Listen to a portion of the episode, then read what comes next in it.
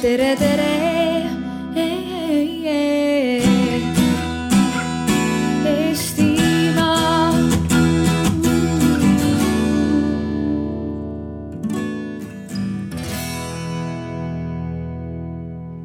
Tere päevast kõikidele, kes on täna siia tulnud.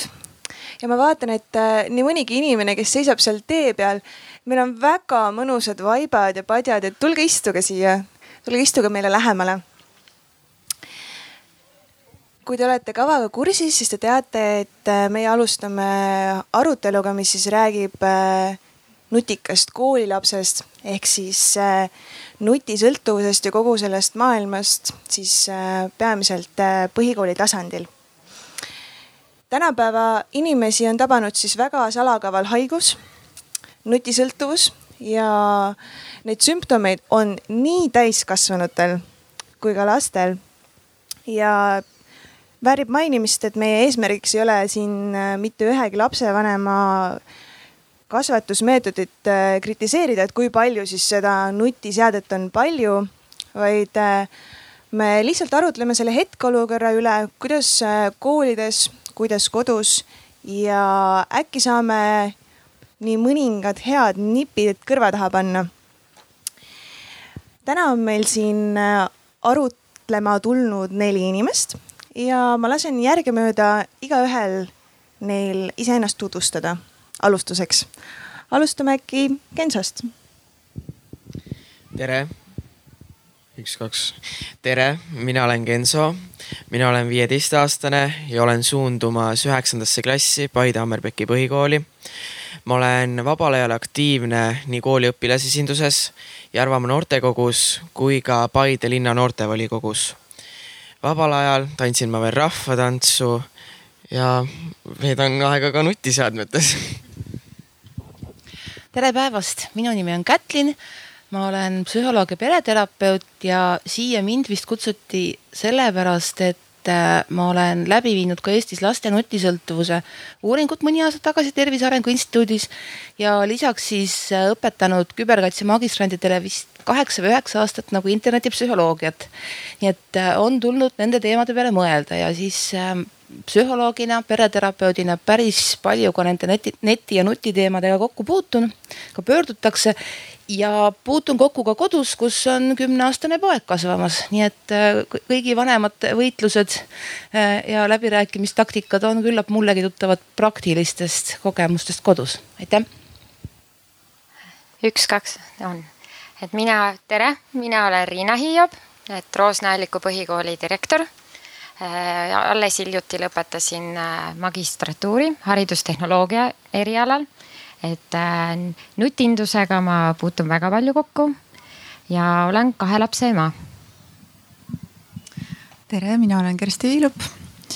olen, täna esindan siis lapsevanemaid kuigi meid on siin rohkem. ja mul on kodus kasvamas kolm last õigemini üks enam, enam ei olegi nii palju kodus, et on juba üliõpilane ja väiksem on algklassi laps ja, ja keskmine käib äh, gümnaasiumis. Ja nutiteemadega, no eks ma ilmselt olen ise ka paras nutisõltlane ja, ja paraku mu lapsed on ka suured äh, nutivahendite kasutajad. nii et äh, osalen huviga. teeme siis niipidi. ja minu nimi on siis Liimar Leen ja teeme sellise soojendusküsimuse, et ah, enne seda veel. kui publikus on kellelgi öelda sõna sekka, et teil on jagada kogemusi, väga häid nippe või lihtsalt tahate öelda kommentaari või märkuse, siis andke sellest märku, teil on sõnaõigus aga üks soojendusküsimus enne, et äh, alustame hästi ausalt. millist rolli mängib nutiseade teie elus ja kui suure kaaluga see, see rolli mängib siis no ma siis alustan, ma juba ütlesin, et ma olen ise ka paras nutisõltlane. Et äh, kui telefoni aku hakkab tühjaks saama, siis ausalt öeldes on juba kerge paanika. et äh, mõni protsent on alles, siis juba otsida, et kus see laadija on, et äh, eks ta mängib ikka ülisuurt äh, rolli ja liiga suurt rolli. et äh, ega ei kujuta enam ette elu ilma, ilma nutitelefonita, et mina olen ju selle põlvkonna inimene, kus äh, minul lapsena ei olnud äh, mobiiltelefoni, et äh, et selles mõttes jah, suur roll on samamoodi, et väga palju minagi kasutan ja hästi palju ma ikka kasutan oma töös. ja, ja noh, ikka vaba aja veetmiseks ka, et äh, ei ole nii, et natuke ikka kerge rahutus tuleb ka, et kui pole sinna Facebooki vaadanud ja, või Instagrami, et täiesti, et võiks öelda, et sõltuvus on samamoodi lihtne vastus on, et väga suurt rolli siin kõik ütlevad, et sõltuvus on, siis mina hakkan kurjasti nihelema, et oi, see sõltuvuse sõna on nii ülekasutuses, et äh, et sellest võiks nüüd rääkima jäädagi. aga kasutan infootsinguks, äh, suhtlemiseks väga palju.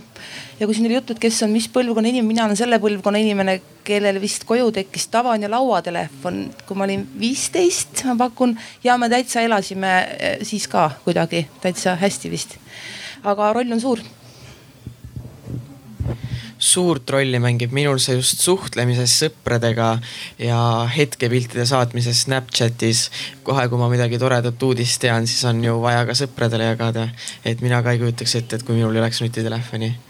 ja mina kasvasin niimoodi üles, et eh, minu esimene telefon oli nelja-aastaselt eh, see oli nimelt minu vanaema vana Nokia ja sellega ma saatsin sõnumeid emale, isale ja vanaemale väga huvitav oli seda kuulda. aga te kõik teate, et tänapäeva maailm, äh, maailmas on väga suur infoküllus ja see kogu aeg nii-öelda läheb aina suuremaks. me vajame informatsiooni Facebookist, ajalehtedest. Ähm, mõni hetk me ei panegi tähele, kui teine inimene räägib meiega ja meie surfame telefonis, me tegelikult äh, nii-öelda keskendume hoopis teisele asjale kui sellele, et me võiks inimesega enda kõrval rääkida. aga esiteks küsimus on nüüd Kätlinile, et äh, see infoküllus, et kuidas on tänapäeva inimene nii väga harjunud ära sellega, et ta vajab kogu aeg ainult uut informatsiooni no mina, mina küsiks vastu, et kas ta ikka on harjunud ära, sellepärast et kui ta oleks ära harjunud, siis ta oleks äh, väga rõõmus. et tegelikult tekitab see ju päris suurt segadust, sest info tähendab seda, et seda infot tuleb analüüsida, et see on meie nii-öelda loomalik olemus, et meil on vaja sellest infost aru saada, mis meid ümbritseb, aga seda on nii hirmus palju ja siis me ei saa aru ja siis me ikkagi püüame ja noh, paneme mingi sõna Google'isse ja saame sealt miljon, mitu miljonit vastet ja me teame juba eos, et me ei saa kõiki neid läbi vaadatud. lisaks me teame seda, et osasid on tõelik jama. nii et äh, see harjumine ei ole üldse tore selles mõttes, seda ei ole nagu väga olemas ja sellest tuleb pigem väga palju pingeid, stressi, mida iganes ja ka kooliõpilastelt, ega ilmaasjata ei õpetata, et, et allikakriitika, infoanalüüsi oskus ja nii edasi. aga see tekitab väga palju ärevust. hästi äh,. Äh, küsiksid praegu ma arvan, et väga või nagu mõnedki inimesed siit on lapsevanemad, et hõisake korra välja, et äh, kui äh, vanalt te oma lapsele nutiseadme üldse kätte andsite või millal oli tema esimene kokkupuude, lihtsalt vanuseliselt? kaks, kolm, seitse, nii veel.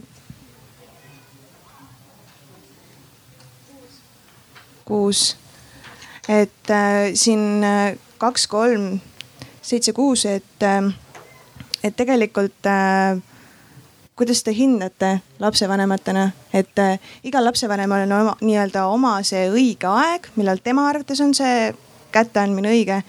aga nii-öelda siis selle psühholoogilise poole pealt, et äh, millal nii-öelda aju on valmis selleks, et ta võtab nii palju informatsiooni vastu, et see piir, et võib-olla küsiks nagu lapsevanemate käest ennem, et kuidas see teie lastel see esimene kokkupuude oli oh jumal, kes seda täpselt mäletab, et eks see kõige vanem sai kõige hiljem nutiseadme kätte ja kõik järgmised said ju selle suurema venna kõrvalt kätte. et äh, kõige pisem on äh, kaheksane praegu ja mul on täiesti silme ees, kus ta vaevu seisab püsti, kõrvaklapid on peas ja siis mobiiltelefon on pandud siia püksi niimoodi ja siis tantsib sedasi. et äh, ta küll ei kasutanud jah seda nutitelefoni selles mõttes, mida me siin täna räägime, et see oli nagu muusika kuulamise vahend. ja meie kõik siis plaksutasime, jube naljakas oli, sest me ei viitsinud seda muusikat kogu aeg kuulata, panime talle kõrvaklapid pähe, siis ta niimoodi liikus ja ise sai kuulata. et tagantjärgi ma ei oskagi hinnata, et äh, noh, oli see hea või halb, sest noh, see muusika ei olnud tal kõvasti seal kõrvas. aga mm, kui hoopis selle info hulga juurde tagasi tulla, et, et see ongi see, et kui täiskasvanu ei oska äh, valida või, või et milline on siis õige, et me paneme jah Google'i otsingusse ja saame seal, ma ei tea, kui palju vastuseid, et milline vastus siis see õige on, et me võime ju ka vale vastuse leida, siis kui me mõtleme, et mida noorem on laps, seda vähem ta oskab ju valida, et ta võib-olla valib siis selle esimese, äh, kohe esimese valiku, mis seal vastustes tuleb. et äh, võib-olla ei olegi, ei peagi arutlema, et, et kui vara lapsele nutiseade kätte anda, vaid see, et milleks ta, milleks ta lapsele kätte anda või mis laps selle nutiseadmega teeb, et. et ma tean küll neid uuringuid, mis ütlevad, et alla kaheaastased ei peaks üldse ekraaniaega saama ja, ja ekraanide ees aega veetma, aga, aga üle selle siis nii-öelda eelkooliealised kuni kolmkümmend minutit. et tõenäoliselt need piirid enamasti ületatakse aga, aga kui see, kui see aeg veedetakse seal nutiseadme taga koos lapsevanemaga ja mingisuguse eesmärgipäraselt, mitte selleks, et see nutiseade on lapsehoidja. et, et siis, siis tulebki sellesse teistmoodi suhtuda, aga kui nutiseade asendab äh, lapsehoidjat või lapsevanemat, et siis noh, minu silmis on siis see probleem. aga no ma ei ole täna ainuke lapsevanem, nii et minul said mõlemad lapsed äh, nutiseadme alles siis, kui nad kooli läksid ja meil oligi see põhimõtteliselt infovahetuseks ja, ja siis noh, eks see kasutusele aina suurenes. aga siin kohapeal ma nõustun Kertuga, et äh,, Kerstiga, vabandust, et äh, et on hästi oluline, et kuidas mis eesmärgi pära-, eesmärgiga seda nagu nutivahendit kasutatakse. Et äh, nii koolis kui ka kodus me peaksime nagu seda jälgima. ja, ja kool on ka, kus me peame suunama õpilasi, et äh, miks me seda teeme, et see ei ole lihtsalt meelelahutuslik et äh, ja, ja lapsevanema me peame seda nagu tegema, et et äh, mina ausalt öeldes kodus vägagi äh, panen, noh, minul endal suurem on väga nutisõltlane ja ma tegelen sellega. ja ma püüan talt selle nii-öelda käest ära saada ja, ja püüan talle selle asemel mingi asendustegevuse anda, et, äh, et nagu natukene eemale ja, ja no, harin ka sellel valdkonnas, et äh, kuidas seda siis kasutada. et ähm, ma ka ajaksin kaasa eelkõnelejatega, et tähtis on see, et milleks laps selle kätte saab. ja kui siin tekkis küsimus, et kui vanalt äh, minu oma poeg kätte sai, siis ähm, mul oli korraks segaduses, et mis tähendab kätte sai, et oma, oma telefoni sai ta kooli minnes. aga kui ta oli ikkagi päris pisike, ma pakun, et kahene, siis me vaatasime ma ei tea, kas lauaarvuti läheb nutiseadme alla, enam ei lähe siis nii vana ja kole asi. et vaatasime sealt multikaid ja oli äh, välisriigis töötava isaga Skype kõnesid. nii et äh, tegelikult siis sai ka päris varakult kätte. aga jah, et äh, ma õudselt tahaks kutsuda siin lapsevanemaid ja lapsi ka äh, mõtlema, et milleks me kasutame, sest noh, meie kodus on näiteks niimoodi, et üks aeg on see, mis on lõbutsemiseks, mängudeks ja nii edasi teine aeg, mis on eraldi ja mida me väga ei tahagi piirata, on see, kui ta proovib seal mingeid laste programmeerimismänge, eh, midagi mõistlikku teha, see on enam-vähem nagu kohustuslik et, et see, mida tehakse, see kvaliteet või ka, ka kellega suheldakse ja kuidas suheldakse, et see on kõige olulisem. et see puhas tundide lugemine, noh, see ajab kõik lihtsalt närvi, lapse närvi, vanemat närvi. aga et eh, sisu, kvaliteet loeb aitäh. aga ma täiendan lihtsalt seda vanuse kohta, et, et seda ma mäletan küll, et esimene arvuti, nii-öelda see hall kast oli meil, oli siis äh, kodus, kui mu poeg oli kaheaastane. ja ausalt öeldes see juba neelas teda, aga see ei olnud tema seade nii-öelda jah, ja, ja aga esimesed telefonid äh, minu pere lapsed said kõik ka kohe peale lasteaia lõpetamist, et suvi oli harjumiseks. Äh, vanematel lastel olid need nuppudega veel ja, ja pisemal siis juba nii-öelda nutitelefon mm. -hmm. siin äh, teema nüüd ka jõudis äh, järgmisesse faasi nii-öelda, et äh, me oleme tänapäeval väga palju näinud erinevates avalikes kohtades sellist elektroonilist lapsehoidjat nagu Youtube. kuidas vanemad siis kompenseerivad näiteks väljas söömas käies seda aega, et nad saaksid ise süüa, et siis paneme lapsele ette need videod ja siis, et ta keskenduks selle vaatamisele. ilmselt ma eeldan, et lapsevanemad võivad siin noogutada, et see, seda on ju ka juhtunud. aga küsimus et kui palju siis tegelikult äh, lapsevanem ise mõjutab enda käitumisega seda, kuidas, kas sinu laps siis hakkab nutiseadmeid liigkasutama või mitte. et Genso, kas sa oled tähendanud oma vanemate juures seda, et nad annaks sulle kuidagi nagu eeskuju selles osas? Minu vanemad ei ole just eh, nii palju nutiseadmete kasutajad.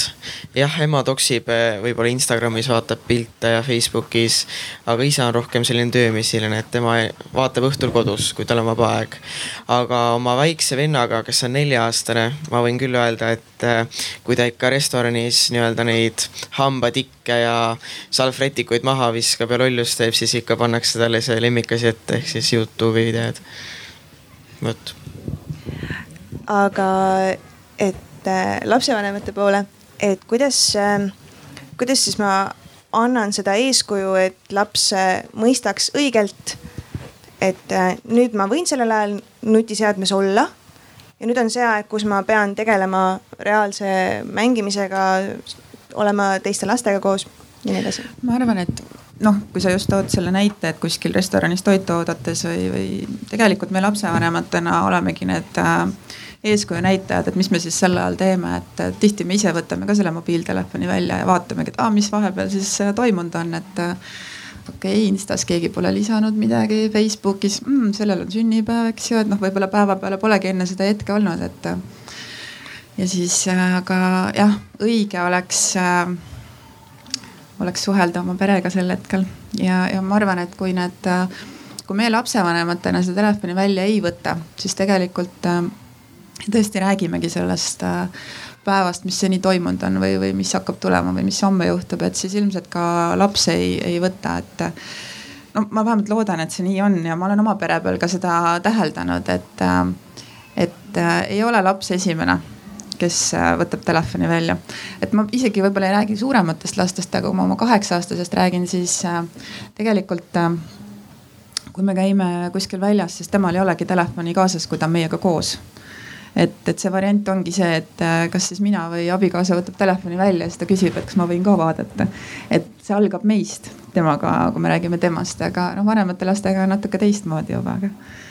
aga me ise peame eeskujuks olema, ise peame suhtlema oma lastega rohkem nii et selles osas saab vist mainida, et, et äh, ärge kasvatage teisi, et kasvatage iseennast.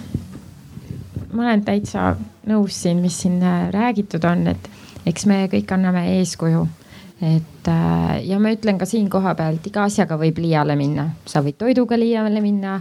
Äh, sa võid äh, liikumisega liiale minna, et siin tegelikult peab olema nagu tasakaal ja endale nagu teadvustama et ja jälgima, et mida ma ise nagu panin tähele oma kahe lapse pealt, et, et esimene tüdruk, kui ta sai telefoni, siis temal sellega, seda käsitleda oli väga nagu selline, noh, ta ei osanud väga seal midagi teha, aga kui ma andsin äh, nooremale lapsele, kes on praegust, saab kaheksa, äh, ta on juba üks aasta käinud koolis, siis temal tuleb see äh, need liigutused, käsitlemine selle vahendiga nagu väga lihtsalt. juba kõike teadis, sest ta oli juba näinud õe pealt, ta on isa ja ema pealt näinud, et see noh, eeskuju annab väga palju. et, et me peame tegelikult jälgima kõike mida me nagu näitame ja käitume. mina ka korra vahepeal küll küsiksin, et äh, publiku seast, kui paljud ennast ära tundsid sellest, mis Kersti just rääkis, et äh, esimese asjana on nemad need, kes toidulaua taga võtavad telefoni välja, andke käega, palun märku. täitsa ausalt kohe, keegi ei pane kuhugi kirja mõni käsi ikka on ja siis äh, tuletan seda ka veel meelde, et kui tekib äh, seal eespool selline koht, kus sina tahaksid väga midagi äh, öelda või midagi, siis tõsta käsi, vaata mulle otsa, minu käes on selline mikrofon, mille ma toon sinu juurde ja sellega sa saad igal hetkel vahele öelda. ja palun, Liia-Marleen. nii äh,, natukene läheb veel teema lapsevanemate poole, et äh, kas peaks olema või miks ja kas peaks olema kehtestatud äh, sellised kodused piirangud, näiteks äh, a la, et söögilaua taga me telefoni välja ei võta ja telefonis ei ole. näiteks mm,. ma tegelikult tahaks, et Genso vastaks sellele esimesena hoopiski. mis sa arvad, et kas äh, peaks olema selline piirang? Söögilaua taga nagu võiks küll olla, et see on ka hetk, kus sa nagu saad perega pigem rääkida ja et siis sa ei pea olema seal nutiseadmes. nagunii sa teed seda pärast õhtusööki. Äh, sina nii-öelda koolis käies, sa näed kindlasti söögivahetunnil väga palju lapsi, kes on nutiseadmes, kui palju sa oled tähendanud neid äh, lapsi, kellel on kuidagi näha, et neil peegeldub see kodune harjumus seal, mitte vaadata oma telefoni ja tegeleda söömisega? Hästi noortemad nagu esimese-teise klassil on pigem see, et nad ei vaata telefoni, nad räägivad, nad noh, mõni lollitab ka toiduga. ja vanematel, aga just see põhikool, see neli kuni kaheksa-üheksa just nagu enamus telefonis.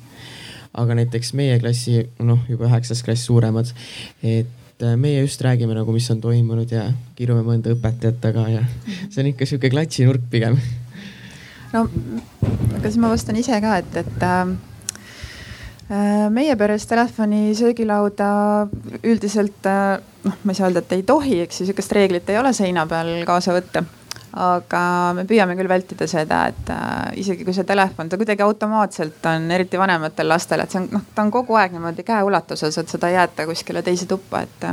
et siis me ei scroll'i seal, eks ole, et mis seal vahepeal toimunud on, et, et see on selline kirjutamata reegel ja, ja ikka pisemale tuleb aeg-ajalt meelde ka tuletada, et kuule, et nüüd me sööme.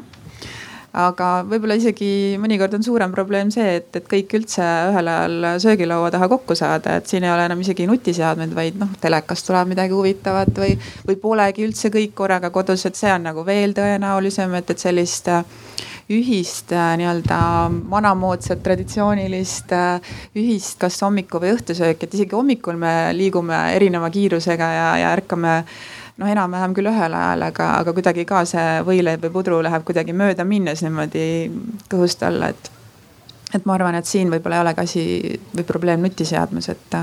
ja mul on hea meel kuulda seda, et jah, et väikesed ei ole nutiseadmes, eks ju. noh, üldjuhul, kui ma vaatan oma väikse pealt, siis noh, temal ei ole koolis isegi, see on muidugi Paide kui väikelinna eelis, et telefon ei ole isegi mitte koolis kaasas meil väiksemal lapsel ja see on ka minu suuremate lastega niimoodi olnud, et algklassides telefoni kooli kaasa ei võta vaid äh, jõuad koju, siis teatad äh, emale või isale, et ma nüüd jõudsin koju ja kuidas päev läks, et selline kontrollimehhanism toimib täiesti. ja aga mm, jah, et see ühise aja ja ühiste suhtlemise leidmine, et, et see on, see on ilma nutiseadmetagi probleem siis ma pöörduksin sama küsimuse juurde, sama küsimusega veel Kätlini poole, et äh, oskad sa öelda sellise, sellise nipi või kuidas kehtestada, kuidas, lapsevanem saab ennast kehtestada, et näiteks hakata nüüd oma kodus võtta käsitlusele selline reegel, et näiteks söögilaua taga me ei istu nutiseadmes.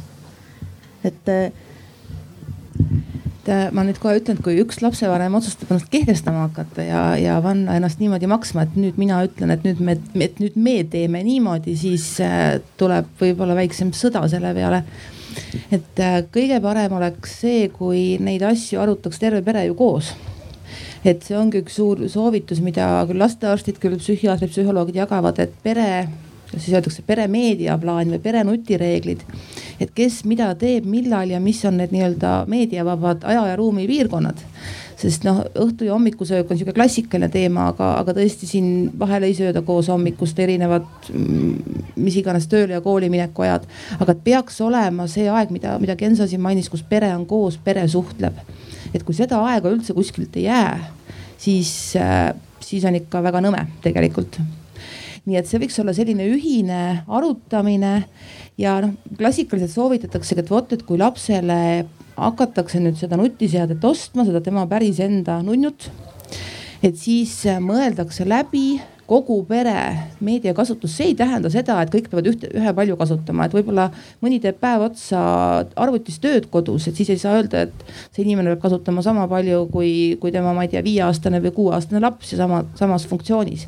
aga et kõigil oleks selge, mis mis selles valdkonnas kodus toimub, tegelikult õudselt soovitatakse ka need reeglid üles kirjutada sest oh, me kõik teame, kui tore asi on suuliselt kokku lepitud reegel, mis läheb kohe lappama, kui natukene klassikalisest erinev olukord. nii et jah, seda diktaatorlikku, et vot nüüd parasjagu närvis isa või ema ütleb, et mõmm, nüüd teeme niimoodi. ei, see ei ole parim lahendus. lood ma lisan, eks noh, ongi hästi oluline see pereväärtused, mida pere väärtustab. ja siin kohapeal võin ka öelda, et lastevanematele on abiks ka see, et on olemas äpid et kuidas piirata interneti kasutamist lapsel, et täiesti toimib, ma olen ise kasutanud oma laste pealt et üks laps täitsa oli pahane mu peale, et ma sihukese äpi peale panin. aga teise, teine laps täiesti sai aru, et mille jaoks see oli vaja ja hästi oluline on rääkida, rääkida ja rääkida ja arutleda nendel teemadel, et on vaja olla, lapsevanema ja laste vahel peab olema avatud suhe. ja me peame rääkima rohkem, et kuidas neid nutiseadmeid kasutada, milleks neid on vaja, et nad ei oska, meie eeskuju on hästi oluline. et äh, siin kohapeal ma ütlen ka seda, et äh, varem ei olnud liikus, liikumis nagu õpetust, et äh, lapsele õpetatakse ära, kuidas liigelda jalgrattaga näiteks, see on tulnud koolidesse. et samamoodi peavad ka koolid väga tegelema sellega, et kuidas selle interneti äh, keskkonnas toimida, kuidas seda digivahendit kasutada. et, äh, et me peame seda nagu sisse juurutama ja see võtab aega ja, ja tekitabki siukseid vastakaid tundeid, küsimusi, et äh, kuidas me kasutame neid, et see noh, võtab lastelt tähelepanu ära, nad ei keskendu. et ja see on, need küsimused on üleval ja nendega me peame kõik tegelema. aga siin kohapeal ongi, et noh, et me peame leidma nagu koos lastevanematega, kool ja lapsevanemad peavad leidma nagu lahenduse ja noh, me õpime see on meie maa, see maailm aina areneb, see on nii uus, et, äh, et äh, noh siin ongi katsetada äh, ja rääkida. Genso, kas äh, sina oled äh, oma elu jooksul võtnud vastu sellise otsuse, et, et kõik, mina hakkan nüüd oma nutikasutust piirama? see ei ole olnud päris niimoodi, et nüüd ma hakkan. see on näiteks mõne laagri või kokkusaamisega. näiteks läheme perega Kihnu saarele, siis ma ise näiteks üritan, et noh tahan näiteks sugulasi tundma õppida rohkem, et pole ammu näinud, et siis ma nagu ei ole nii palju telefonis. aga et nüüd ma ütlen niimoodi, et esmaspäevast, et see nädal ei kasuta, seda ei ole mitte kunagi olnud.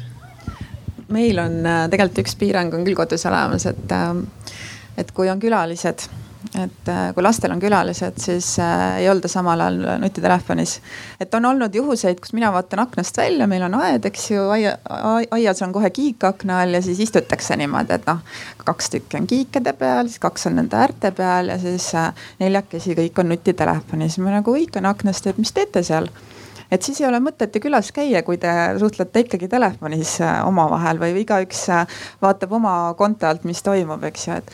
et sellised reeglid on meil küll ja see on ka selle pisema puhul, et äh, kui keegi tuleb külla, noh, mida ma luban, on küll näiteks kui telekas tuleb mõni noh ma ei tea, huvitav lastefilm, eks ju, et meil ei ole näiteks kordus-TV-d seni veel tellitud et, et äh, seda ma luban küll vaadata, aga mingisugused iPadid, arvutid ja, ja nutitelefonid, et, äh, et need on nagu sel hetkel keelatud.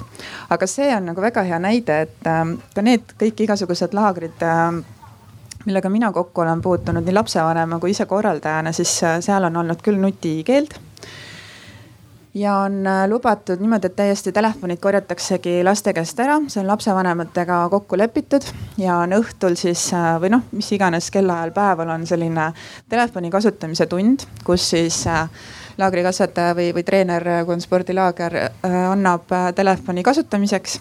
ja teate, esimene päev on sedasi, et lapsed ootavad, millal saab kell seitse. mul on vaja emale või isale või kellelegi helistada, eks noh, see kõne tehakse ära seal minutiga, kõik on korras, raha veel jagub ja kõik on. ja siis vaadatakse oma neid muid asju seal.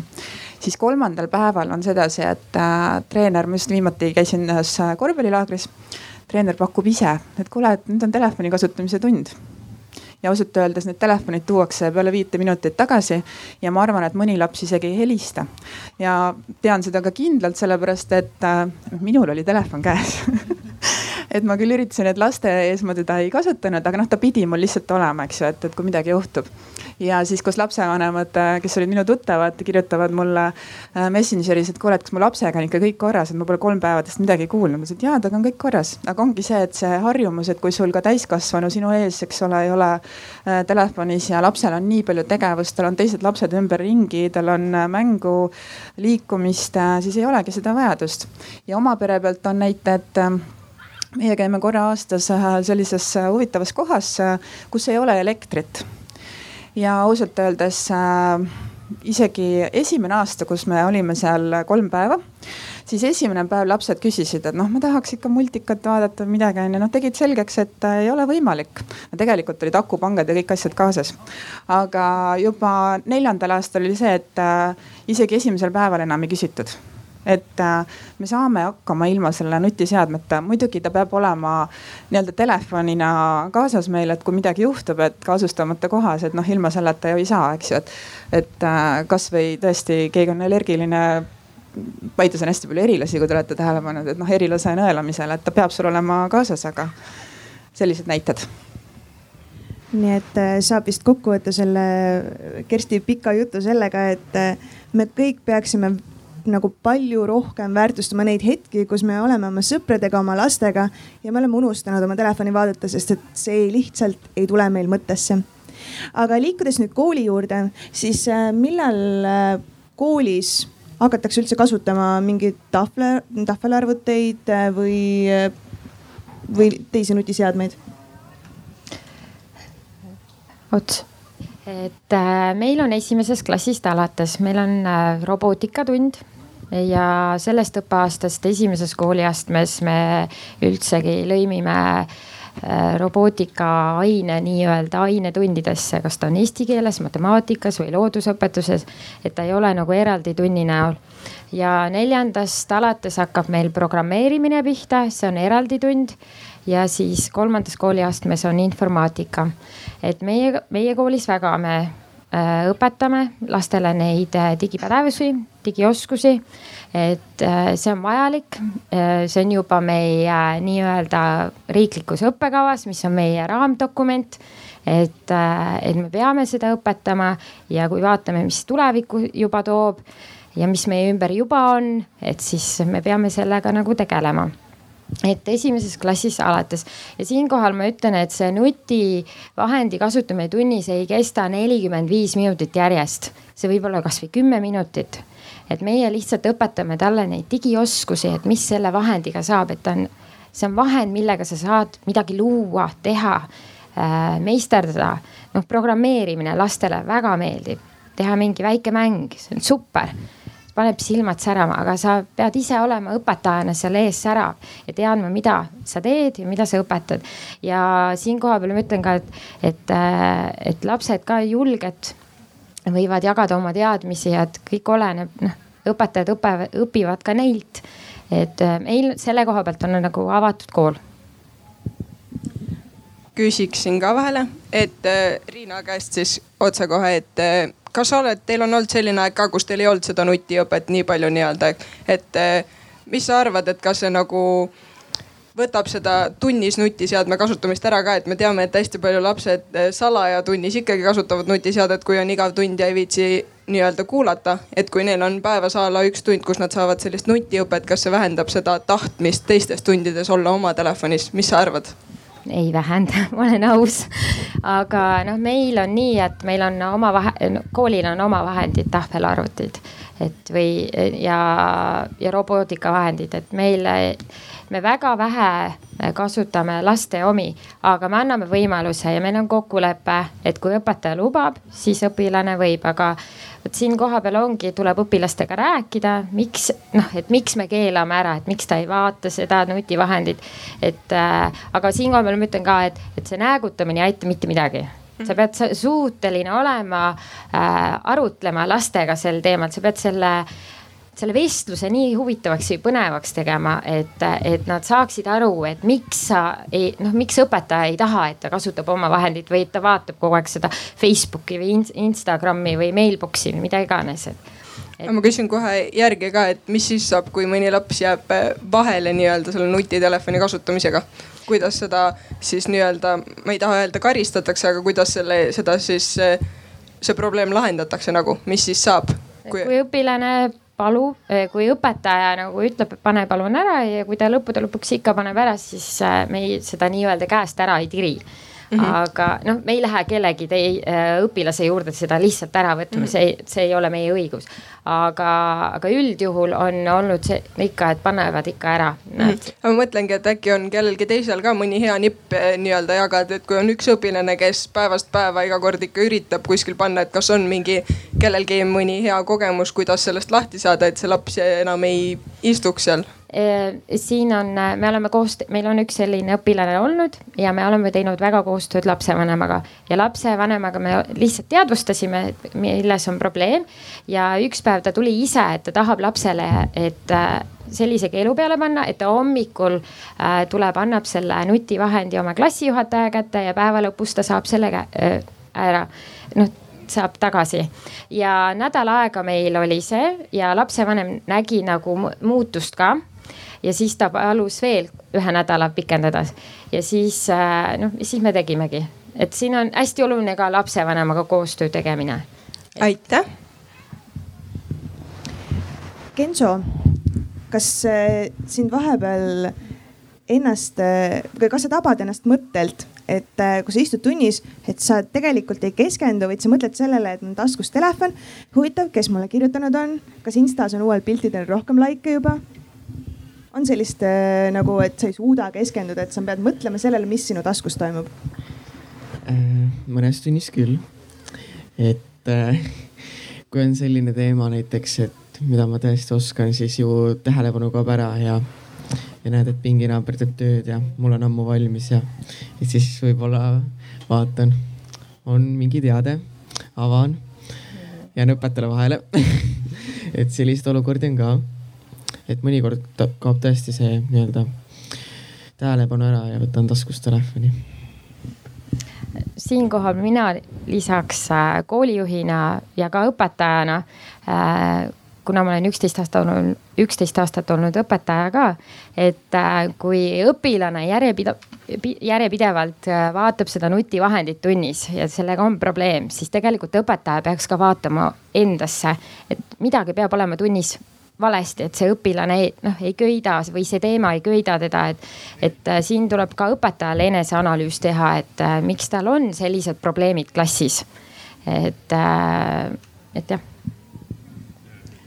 kui, kui õpetajal ennast vaja analüüsida, siis kuidas jällegi, et kuidas ma kuidas on võimalik siis seletada või harjutada lastes seda keskendumisvõimet, et nad ei pea muretsema selle pärast, et, et ma pean võtma oma telefoni, pean olema mängus, järgmise leveli saama ja nii edasi, et see, kuidas see keskendumisvõime sisseharjutamine kõige paremini välja tuleks? no mina ütleks, et sellega võiks ikka nagu kodus pihta hakata juba, et, et miks mitte terve pere koos, et kui näiteks kõigil peres on see teema, et oi-oi-oi, et telefon hakkab nagu blinkima roheline või mis iganes tulukene. et esiteks, et kas ma siis kaua ma vastu pean teiseks, äh, kas peab vastu pidama, et kui kusagil on, ma ei tea, haige sugulane või midagi õudset juhtumas, et, et siis ongi keeruline lugu. et mina tean enda kogemusest, et kui mul on midagi olulist teha, siis ma panen telefoni, lülitan ta välja, panen kusagile kaugele-kaugele ära, sest ma tean, kui närvi ma lähen, kui see seal blinkima hakkab nii et see on sihuke paras katsetamine endaga, lapsega tegelikult juba enne kooli. aga siin on seesama, mis siin jutuks oli, et kool-kodu koostöö, et seda, et koolis hakata lapse keskendusvõimet, keskendumisvõimet arendama no, nojah, et kool võib igasugu asju teha ja, ja olekski väga tore ja ideaalne, aga, aga see on ikkagi koduga suur koostöö. et äh, mis ajal panna see seade ära, mis ajal lülitada välja, et see multitasking või rööprähklemine, see ei ole üldse tore asi, see teeb igasugust äh, õppimist, edukust, omandamisvõimet ikka üksjagu kehvemaks. et siin on see, et äh, kuidas õpetajad saavad rääkida sellest, et mis neil koolis toimub, kas laps ei keskendu, mõtleb muudele asjadele koduga, kas kodu võtab selle infoga vastu, sest vahel öeldakse, et ei, ei, et minu, minu laps ei ole selline. et see on hästi-hästi-hästi oluline teema, et kuidas see kommunikatsioon käib ma toetan mõlemat arvamust siin praegu, et äh, üks asi on see koduga koostöö ja tõesti see oma aja ja tähelepanu jaotamise oskus, et äh, kus saavadki lapsevanemad olla ka eeskujuks, aga teine asi on tõesti koolis, et äh, tund peab olema huvitav. ja kui tund tõesti ei köida, et, et siis, siis lähebki see mõte uitama aga tänapäeval on ka väga lihtne, et, et kui me teame, et äh, meil peaaegu et kõikidel lastel noh, mingist vanusest alates on nutitelefonid olemas, et siis äh, on ka võimalik neid õppetöös ära kasutada ka siis, kui koolil endal ei ole nutiseadmeid, tahvelarvuteid, et nii nagu Riina ütles, et esimeses klassis, siis äh, kindlasti kõik koolid esimesest klassist ei, ei ei kasuta nutiseadmeid, et äärmisel juhul nad lähevad mingi ainetunni raames arvutiklassi ja teevad seal ülesandeid, aga aga väga lihtsad on ju igasugused äh, nii-öelda tagasisidestamise testid, mis õpetajad saavad ette valmistada, et kasvõi, kas mulle tänane tund meeldis või sain ma midagi uut teada, laps saab oma nutitelefonis vastata jah või ei, et. et ähm, noh, nii-öelda õpetada seda nutitelefoni teistmoodi kasutama kui ainult äh, Youtube'is videote vaatamine või, või või vanematel siis Instagram, äh, Facebook. ma näen seal jah, ja seal tagapool on ka üks käsi juba ammu püsti virgitud ja eespool oli ka kohe kuidas te tegelete selle olukorraga, kus no üldjoontes on see kuskil põhikooli lõpp, gümnaasiumi teema, kus õpilane ei soovi tunnis teha kaasa nutitelefonis, kuigi õpetaja on planeerinud, et nutitelefoni selles tunnis kasutatakse. ei soovi oma äppe ära kustutada või väidab, et aku on tühi. no kedagi ei saa sundida, et äh, aga kindlasti tuleb, tuleb laskuda noh jällegi vestelda, aga kas teha seda koheselt seal äh, ruumis, vot seda nagu ma ei, äh, ma ei sunniks teda niimoodi et sa nüüd pead, et ma pärast pigem peale tundi või seda hetkemomenti jääksin temaga ise vestlema, et milles oli probleem või miks ta ei teinud. et äh, või oli see tema jaoks nii igav või, või noh, uuriks välja et see oleks nagu ja et see oleks praegust kohe, mis mul pähe nagu kohe torkaks. mina küsiks seda küsimust tegelikult Genso käest, et, et kuidas sellise klassikaaslastega tuleks siis toimida? et äh, mis sinu meelest võiks aidata? no meie klassis ei ole sellist probleemi mitte kunagi olnud, et on, on siuksed toredad Kahoot küsimustikud, kus äh, näiteks õpetaja teeb just siukse testi, et on valikvastused ja siis on sihuke lõbus muusika taga ja siis meie klassil näiteks väga meeldivad need. ja meil on näiteks koolis tahvelarvutid, et siis ei ole seda, et äh, et mul on mälu täis, ma ei saa endale sellist äppi laadida, et seda nii-öelda asja teha. siis just nagu õpetaja annab sulle, et aa, aga meil on tahvelarvutid ka. ja siis meil on ka sellist asja, kes nagu antakse tahvelarvutid, et palun teeme tahvelarvutis aga õpilane kasutab teist operatsioonisüsteemi, et siis õpetaja lubab tal enda telefonist kaasa teha. seega mina nagu ei ole sellist probleemi just näinud aga noh, see minu näide oli pigem nagu selline, et kui on näha, et õpilased väga tahavad oma nutitelefoni kasutada, et siis õpetaja saab nad rakendada nii-öelda eesmärgipäraselt tunnis seda kasutama, et lihtsalt ei, ei chat'i. aga Birgit siin ees oli ka käsi püsti mul tegelikult oligi sama küsimus, et see just see positiivne pool, et sa saad kõike seda ära kasutada. ja kuna õpilased on niikuinii nii hektilised, et nii palju tähelepanu igal pool laiali jaotatud. et sa saad selle enda kasuks ju pöörata. et äh, kõik seda nutiseadmeid kasutada, et mul endal üks sõber äh, õpib õpetajaks ja just ongi, et ta teebki kümme minutit ühte asja tunnis, eks ole, kümme minutit teist asja. et hoiab seda pinget kogu aeg üleval ja siis noh, siis nad ei lähe lihtsalt Instagrami, nad teevad seda, mis tuleb onju ja alternatiiv on ka alati valikute pakkumine, et tegelikult seesama Kahoot äh, võib olla ka täiesti paberi peal vastatav, et need, ei ole üldjuhul ju kakskümmend küsimust, vaid mingisugune võib-olla viis küsimust tunni lõpus, et. Äh, et paari minutiga on õpetajal tagasiside olemas või siis ongi see, kui jah ja ei vastus, et kas ma sain täna tunnist midagi uut või, või oli jumala igav, eks ju, et see võib olla ka paberilipiku peal ja siis õpilane valibki, et kas ta tahab ühte või teistmoodi kui rääkides siin sellest äh, rakendusest nagu Kahootist, siis äh, et ma toongi siinkohal näite, et ei pea õpetaja seda tegema, seda võib ka õpilane. mina oma töös seda väga praktiseerisin. et, äh, et õpilane ise koostab ja see pakub just põnevust ja, ja neid äppe on veel ja veel, et ei ole ainult üks ja sama, et, et jah. nii, kas äkki on veel mõni küsimus? ka et äh, minul on oma kooliajast siis näide, et meil oli matemaatikatund. ja teate küll, et matemaatikatund on selline, et kui sa alguses millestki aru ei saa ja küsida ei julge, siis ega sa ei saa edasi aru ja siis hakkab igav ja siis ei viitsi midagi teha.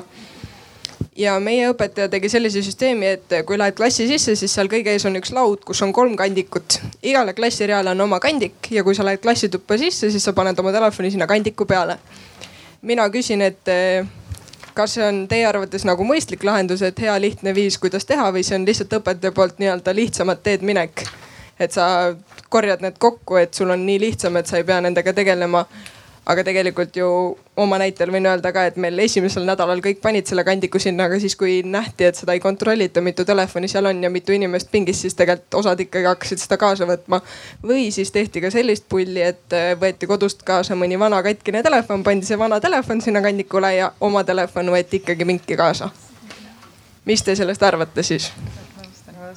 Ma olen liiga palju rääkinud, aga mul tuli hoopis üks teine näide meelde, et seesama spordilaagriga, mis ma rääkisin, et äh, mu oma jumal, nii, nii tore ja hea laps läks spordilaagrisse kahe telefoniga, sest tema jaoks tundus täiesti võimatu, et kuidas ta annab telefoni ära, kusjuures ta ei olnud äh, noh, tõesti, ma võin öelda, et äh, nii-öelda sõltuvuses või, või noh, et äh, et kogu aeg peab midagi sealt vaatama, vaid tema jaoks oli just see, et kuidas ma ei saa iga kell emale helistada.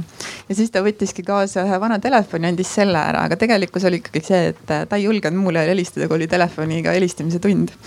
aga see telefonide ärapanek, ma arvan, et see on selline noh ma arvan, et seda tehakse väga mitmetes kohtades, et on kandikud, on tehtud äh, sellised taskud, äh, nimelised taskud, et hästi erinevaid lahendusi on ja. ja ma arvan, see on jällegi klassi kokkulepe peaks olema, et see ei tohiks olla selline sund, et sa pead ära panema, et siis võib-olla hakkabki petmine pihta, et see peab olema väga hästi põhjendatud, et äh, miks seda siis peab tegema või jällegi mina ütlen, et miks seda peab tegema, kui tund on huvitav et no miks peab selle, selle rakendama juba ette, et äkki ta vaatab hoopis telefoni sel ajal, kui mina mingit valemit selgitan, eks ju, et noh. Ja siin kohapeal tooks selle ka, et äh, telefon on, nutitelefon on, väga isiklik asi tänapäeval. et, äh, et ma ise väga noh ei poolda seda, et me peame nüüd selle ära andma, et õpilane tuleb klassi, siis ta peab selle ära andma ta on niisugune isiklik vahend, mida me igapäevaselt nagu kasutame. et mina ausalt öeldes oma telefoni ka kuhugile ära ei taha anda, et ma pigem kontrollin ennast, ma panen omaenda käe järgi ära ja ma tean, kus ta on, et, et ma arvan, ka õpilasele peaks see vabadus nagu jääma. et, et see noh, ma ei näe mingit suurt lahendust, et ma annaks selle ära ja siis tulevadki need vahvad mõtted lastele, et noh, nutikad lapsed, ma ütlen, et tulevad ja ikka tempe tehakse ja et äh, minu meelest see on see koht, kus äh, vast õpetaja peaks lastele kuidas siis öeldagi, et seda mõtet müüma, miks, miks ja millal tuleks telefon ära anda ja millal mitte, et kui näiteks on näha, et, et klassis on mitu sellist tüüpi, kes noh, no ikka väga tahavad sinna piiluda ja see tegelikult hakkab võtma maha terve klassi õppimise tempot ja see hakkab tohutult häirima, siis äh, noh, ma ei tea, kuidas siin Genso kogemus on, aga, aga mulle on küll lapsed rääkinud ja, ja õpetajad rääkinud, lapsed ise tunnistavad, et, et jama on niimoodi, et kui nemad tahavad õppida ja siis kogu õpetaja aur läheb kellegi taltsutamise peale, kas ta mängib või ei mängi või noh, ühesõnaga, et, et lapsed ise on vahel ka nagu väga-väga teadlikud ja väga tundlikud selles asjas ja, ja siis töötavad selle nii-öelda piiramisega või mis iganes reeglite seadmisega kaasa, kui nad saavad aru, et see on tegelikult ka nende endi huvides ja õppimise huvides või niisama tunni rahu huvides ma võin Birgitile vastuse öelda, et ma käin, ma, Birgit käis minuga samas koolis, minul on sama matemaatikaõpetaja. ja see matemaatikaõpetaja nüüd vaatab neid kandikuid ja on selle kaane meetodiga ka, et inimene võtab kaantest telefoni ära, peab kaarne tagurpidi. aga õpetajale on vahele ka jäädud, aga nüüd on selline tsirkus, et kui õpetaja vaatab need kandikud ära, ta istub see on meil selline õpetaja, et talle meeldib klassi taga istuda, ehk siis ta näeb kõike. ja siis tehakse selline tsirkus, et kui õpetaja ei vaata, siis antakse mööda ridasid telefonid edasi, et saaks ikka telefonis olla. aga nii. kuidas saab aru, et äh, oled sõltuvuses? ma just äh, täiendan seda küsimust, et, äh, et äh, just viskame õhku, et meie kellaaeg hakkab liikuma sinnamaani, et me peame varsti-varsti hakkama otsi kokku tõmbama. aga et kuidas ma kuidas see siis nii-öelda igas valdkonnas, kuidas me tunneme ära selle lapse, kelle juures me saame öelda, et jah, tal on tõesti probleeme, millised on sümptomid ja ka hiljem siis, kuidas seda aidata? äh, siin ongi nüüd suur vahe, et kas on probleeme või on sõltuvus. et probleem on see, kui, äh, kui on näha, et tavaelu on nagu häiritud et äh, selleks ei pea üldse mingit äh, kliinilises mõttes sõltuvust olema välja kujunenud, et, äh, et ka sellest Tervise Arengu Instituudi uuringust tuli välja, et kehvemad koolihinded, kehvem käitumine ja hinnete järgi on tegelikult probleem juba enne, kui mingisuguse sõltuvuse tunnused täiskomplekt käes on. aga et kui rääkida, et mis on sõltuvus, siis mina ikka soovitan mõelda kõigile muudele sõltuvustele ja tõsta see natuke nutimaailma ümber. ehk siis ähm, kui üks asi ainult siin maailmas on enam-vähem tähtis, see on kas mingi mäng, seade äh,, suhtluskeskkond, muu ei ole tähtis, söök ei ole tähtis, uni ei ole tähtis äh, see on esimene tunnus, teine on see, et kui nutiseadmesse ikka üldse ei pääse või keegi tahab ära võtta, siis on oi-oi-oi kui paha tuju. ja see paha tuju ei ole mitte väike pahurus, vaid äh, midagi palju hullemat. et see on siis sihuke võõrutuseks nimetatakse tolerantsus käib sõltuvuse juurde alati, ehk siis äh, meil on vaja, kui me oleme sõltlased, järjest rohkem seda keskkonda, äppi, seda nii-öelda ainet järjest rohkem ja mitte isegi selleks, et saada väga head enesetunnet, seda nii-öelda kaifi, vaid et paha ära läheks ja siis veel kord ikkagi see, et kui muu elu hakkab igatepidi kannatama, et see on nii hea tunnusmärk, et tekib valetamine, tekivad probleemid koolis, tööl, igasugustes suhetes. Äh, füüsiline tervis hakkab kannatama, kui unetund hakkab väheks jääma, eks paljudel lastel on see ka teemaks, ma arvan, et kooliõpetajad kõik teavad rääkida neid lugusid, kuidas lapsed kipuvad zombiks muutuma koolis. nii et see on terve suur tunnuste komplekt, et ärme kindlasti mõtleme, et kui laps on, ma ei tea, kellel, mis kriteerium on kaks tundi päevas või viis tundi päevas arvutis ja, või nutiseadmes, et siis on juba sõltuvus. varem loeti tunde, tänapäeval ei loeta, tänapäeval on tähtis see kuidas see last või suurt mõjutab ja mida ta tegelikult ikkagi seal nutiseadmes teeb. kui see on midagi asjalikku, siis on see üks asi, kui see on lihtsalt mingi mõttetu scroll imine või vaatamine mingit, noh, see on hoopis teine teema mul ei ole isegi küsimust, aga ma viskaks ühe mõtte üles, et äh, mul on ka kolm last ja, ja ma tulin küll poole pealt alles siia sisse, et ma võib-olla alguses ei kuulnud ja võib-olla kordan või kellegi, kellegi juttu juba, aga. aga võib-olla lastele ei tohi ja ei tuleks anda nii palju äh, noh demokraatiat kätte, et nemad ise otsustavad, kas nad tunnis võib neil see telefon olla või mitte olla.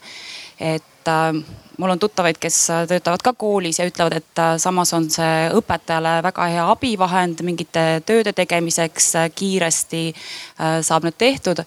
aga lapsed minu arust ei oska ise ära tunda seda, et millal nad on sõltuvuses, kui palju on parasjagu ja millised tegevused telefonis või nutiseadmes on neile nagu kasulikud ja millised on need niisama scroll imised et äh, võib-olla peabki nagu ulmeliselt rohkem mõtlema, et, äh, et see lihtsalt äravõtmine ei aita seal tunnis, sellepärast et ma saan aru, et lapsed on väga loomingulised, võetakse teised telefonid, pööratakse kaanet tagurpidi, mis iganes. et noh, me peame võib-olla lootma mingitele tehnoloogilistele lahendustele, et koolis sul sobib see telefon olla, see on sinu isiklik vara, eks ole, ta on küll sinu juures aga tunni ajaks äh, ei ole sul võimalus minna kusagile internetti, wifi on välja lülitatud või on piiratud ainult õpetajal kasutustel. et pigem peavad siin tehnoloogilised lahendused olema, me ei saa laste peale seda panna, et lapsed ise oskavad neid jooni tõmmata, kus on parasjagu, kus ei ole. Nende tähelepanu tunnis on ikka väga häiritud, kui nad vahepeal scroll ivad seal Instagrami ja, ja Snapchati, et, et seal tunnis ei toimu ainult nagu õppimine seal telefonis ju koha peal nagu ütlengi, et hästi oluline on kodu ja kooli koostöö kodu ja lapse vaheline suhtlemine, et need nutivahendid ei kao ära. et me ei saa nende vastu nii-öelda võidelda, me peamegi leidma lahendusi, et, et see, see ühiskonnas on juba paljud asjad juba ees ja hariduses need teemad on nii õhus ja need lohisevad järgi. et eravõt-, eraettevõtluses kasutatakse juba neid digi, digiasju juba rohkemgi veel, aga koolis tegelikult on vähe, vähe ja, ja me peame sellega tegelema rohkem ja rohkem ja üldse see tuleb küberohutuse teema, et kuidas seal internetis käituda. et äh, hästi, noh, see on need teemad, mida me peame nagu mõtestama, arutlema ja noh, ma ütlen rääkimine, rääkimine, rääkimine ja aitäh, äh, mul on selline küsimus, et kui nüüd ikkagi seda arvutimängude mängimist ja kasutamist on päris palju et mis on nagu närvisüsteemile või lapse närvisüsteemile selline kõige parem tasakaalustav mõju, et kas vaikus ja jooga või pigem sõpradega suhtlemine, rahmeldamine, trennis käimine, et kuidas kõige paremad sellised meetodid võiks olla? no mina ei ole nüüd psühholoog ega, ega mingi terviseinimene, aga mina lapsevanemana ütlen, et ongi suhtlemine ja täpselt seesama, te vastasite ise sellele küsimusele, et, et liikumine, perega aja veetmine, sõpradega suhtlemine, et, et see ongi kõik tasakaaluks, et ähm, kui mina olin laps, siis mina käisin tõesti ukselt uksele koputamas, et kes tuleb minuga õue mängima. siis järgmine areng oli edasi, et kõik said endale need kettaga telefonid, eks ju, siis me helistasime, jälle liikumist läks vähemaks. ja kui ma kooli lõpetasin, siis mul oli esimene, noh gümnaasiumi lõpetasin, ülikoolis juba olin, siis ma sain oma esimese mobiiltelefoni. et ähm, ja nüüd ma näen täpselt seda teistpidi arengut, et äh, kõik käib äh, telefonis, minu lapsed õnneks ei mängi väga palju arvutimänge või, või telefonimänge, aga küll see suhtlemine käib hästi palju läbi nutiseadme aga õnneks väiksem kaheksa aastane, tema on, ma ei tea, kas see on lihtsalt asukoht, kus me elame, et tema käib küll ukselt uksele koputamas.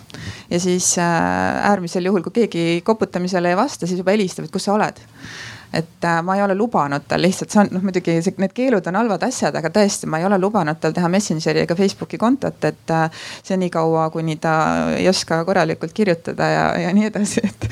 aga mina ei ole jah, et ma ei oska võib-olla teaduslikult põhjendada ja vastata et tegelikult see jutt oli täiesti absoluutselt suurepäraselt mõistlik. et kui mõnel vanemal tekib nagu see küsimus, et, et oi, et kas on nüüd liiga palju arvutis või mis ta seal teeb või nutiseadmes, siis just nimelt vaadata üle kogu see muu elu et äh, kui siin Gensogi nimetas kõiki neid asju, mida ta teeb vabal ajal ja muuhulgas on ta ka nutiseadmes, siis kui nagu muu elu on täiesti olemas ja, ja kui laps või suur inimene suudab ka nagu nii-öelda elusast peast teiste inimestega suhelda, sest see on üks ohtusid, et kuidas siis need suhtlemiskompetentsid välja kujunevad kui on kogu aeg sihuke tekstipõhine ja alati saab sealt välja logida, kui ebamugavaks läheb. et siis see suhtlemisoskuste väljakujunemine on teema. et kui lapsega nagu kõik muidu on korras ta teeb igasuguseid muid asju, koolis läheb enam-vähem hästi ja igasugused võib-olla mingid ringid või, või muud huvid on olemas. ja noh, siis ta võib ju täitsa vahepeal seal mängida ka või, või, või muud vahvat teha ja noh, lapsevanemana, kuidas kaasa aidata, on jälle see isiklik eeskuju, et äh, ärme ise ka võta söögilauda siis telefoni kaasa ja õhtul pühendame aega, arutame, mis päeval toimus ja, või kasvõi see, see muu elu, suhtlemine. et kuidas me ise teiste inimestega suhtleme, kas me saame nendega kokku, kas me helistame või me ainult kirjutame Messengeris või Instagramis sõnumeid, et äh, kas me ise tegeleme, liigume, ma ei tea, tantsime, jookseme, et äh, kõik need asjad kokku. võtame veel kiirelt nüüd kiirelt-kiirelt kaks küsimust ja siis ühe kokkuvõtva sõna äh,. aitäh, et kas, kas arvata võib või peab küsima kindlasti? võib arvata. võib arvata ka arvamust, hästi, aitäh äh, selliste vestluste puhul või selliste teemade puhul alati, mis, mis nagu toimuvad, eks ju, tehnoloogia, nutiseadmed eriti ja nii edasi, on ju. mul on nagu pahatihti on päris selline mulje, et, et et see tehnoloogia, IT ja nutiseade oleks justkui nagu, nagu midagi nagu kannab pigem nagu sellist negatiivset konnotatsiooni, et see on asi, millega tuleks nagu võib-olla kuidagi väga nagu mitte just päris võidelda, aga pigem nagu kõlab nagu negatiivse konnotatsioonina päris tihti läbi. aga mulle väga meeldis see just, mis te ennist ütlesite, et tehnoloogia on ja jääb, eks ole.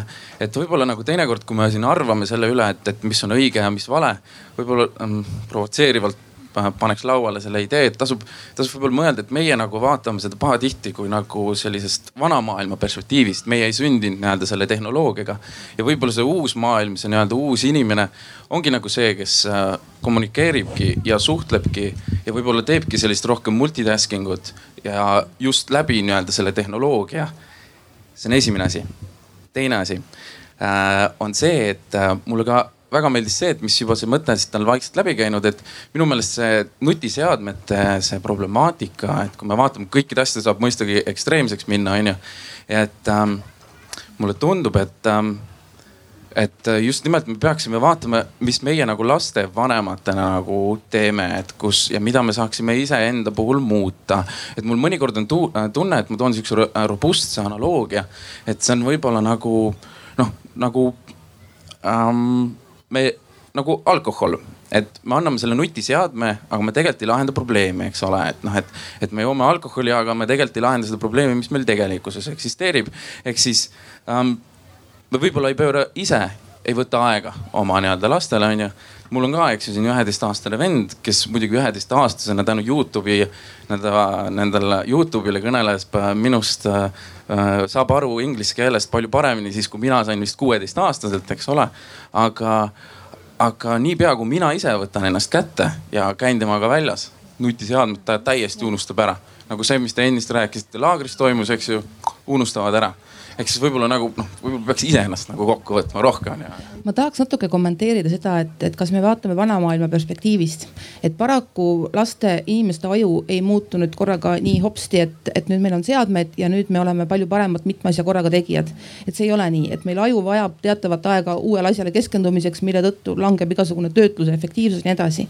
teine moment on see, et, ähm, et laste areng peab kulgema teatud tempos, teatud asjad peavad saama omandatud.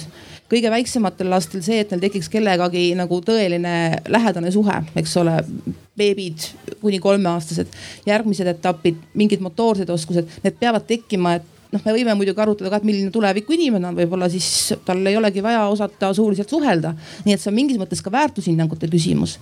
et loomulikult äh, ei ole see, et et tehnoloogia on nagu ma ei tea, üks paha ja kole asi või võrdleme, alkoholiga, eks ole et äh, aga et teadlikkus võiks olla suurem, mida me seal teeme, kas meil mingid muud kompetentsid, oskused on alles ja, ja kas me lastel neid ka välja arendame, et see on minu meelest on see nagu väärtushinnangute küsimus, et kas on olemas nii nutiseadmetes toimetamise oskus kui päris elus, kui me jõhkralt lahku aja, ajame, toimetamise oskus. et kui, kui ühed vanemate otsuse tõttu päris ära kaovad ühed oskused siis on ju ka kurb. aga see on minu arvamus. nii ja võtame siis veel meie viimase küsimuse. et nagu vanasti öeldi, et noorus on hukas, et minu meelest see nutitelefonil suurt vahet ei ole, et minul omal ajal äh, ligi kolmkümmend viis aastat tagasi hakkas kool nagu seiklusjuttude lugemist segama. et, äh, et kui, kui õppetöö on igavam kui mingi muu tegevus, et siis, siis hakkabki muu asi segama seda õppetööd. nii lihtne see ongi. nii, aga meie aeg on juba nii kaugel, et, võtame otsad kokku ja ma palun teilt nüüd viimast, et äh, üks mõte, üks soovitus, üks nipp, mis te panite endale kõrva taha, kuidas enda elu paremaks teha. alustame Gensost, ta tahab nagu enda siis äh, nutimaailma elu sobivamaks teha no see arutelu andis mõtte, et ma tegelikult ka ei peaks te telefonis olema, kui tund on. ma loodan, et see asi läheb paremaks, et siiski üheksas klass ja eksamid ja kõik muu selline. et tuleb ju gümnaasiumisse sisse saada. et äh, minu meelest äh, noh, natuke see mõte jäi kõlama ka, et, ähm, et kui me omavahel päriselt suhtleme, muuhulgas suhtleme nutiteemadest, oleme kontaktis äh, räägime ausalt, mis meil muret teeb, ka nutiseadmete osas, siis tegelikult me ei peaks üldse tehnoloogia kasutuse pärast muretsema. et me teeme omad reeglid, omad kokkulepped, oleme mõistlikud äh, ja, ja siis, ja siis saabki hakkama.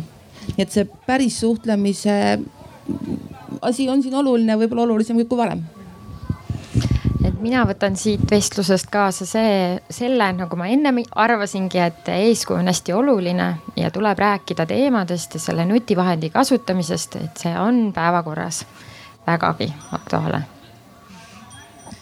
Ja kui ma alguses tutvustasin ennast, et ma olen ka nutisõltlane, siis ma edaspidi seda ei ütle, et ma sain aru, mis on äh, sõltuvus, et see minu, minu mõttes jah, ma ikka sõltlane päris ei ole, et ma saan kõikide muude asjadega ka tegeletud ja inimestega suheldud ja õnneks äh, minu lapsed ka ja. ja just see, mis ma ka ise ütlesin, et tuleb võtta aega suhtlemiseks, et äh, ja nuti ei ole probleem, nutit tuleb õigesti kasutada. aitäh meie arutlejatele ja suur aitäh meie kuulajatele ja küsijatele. Teiega oli väga tore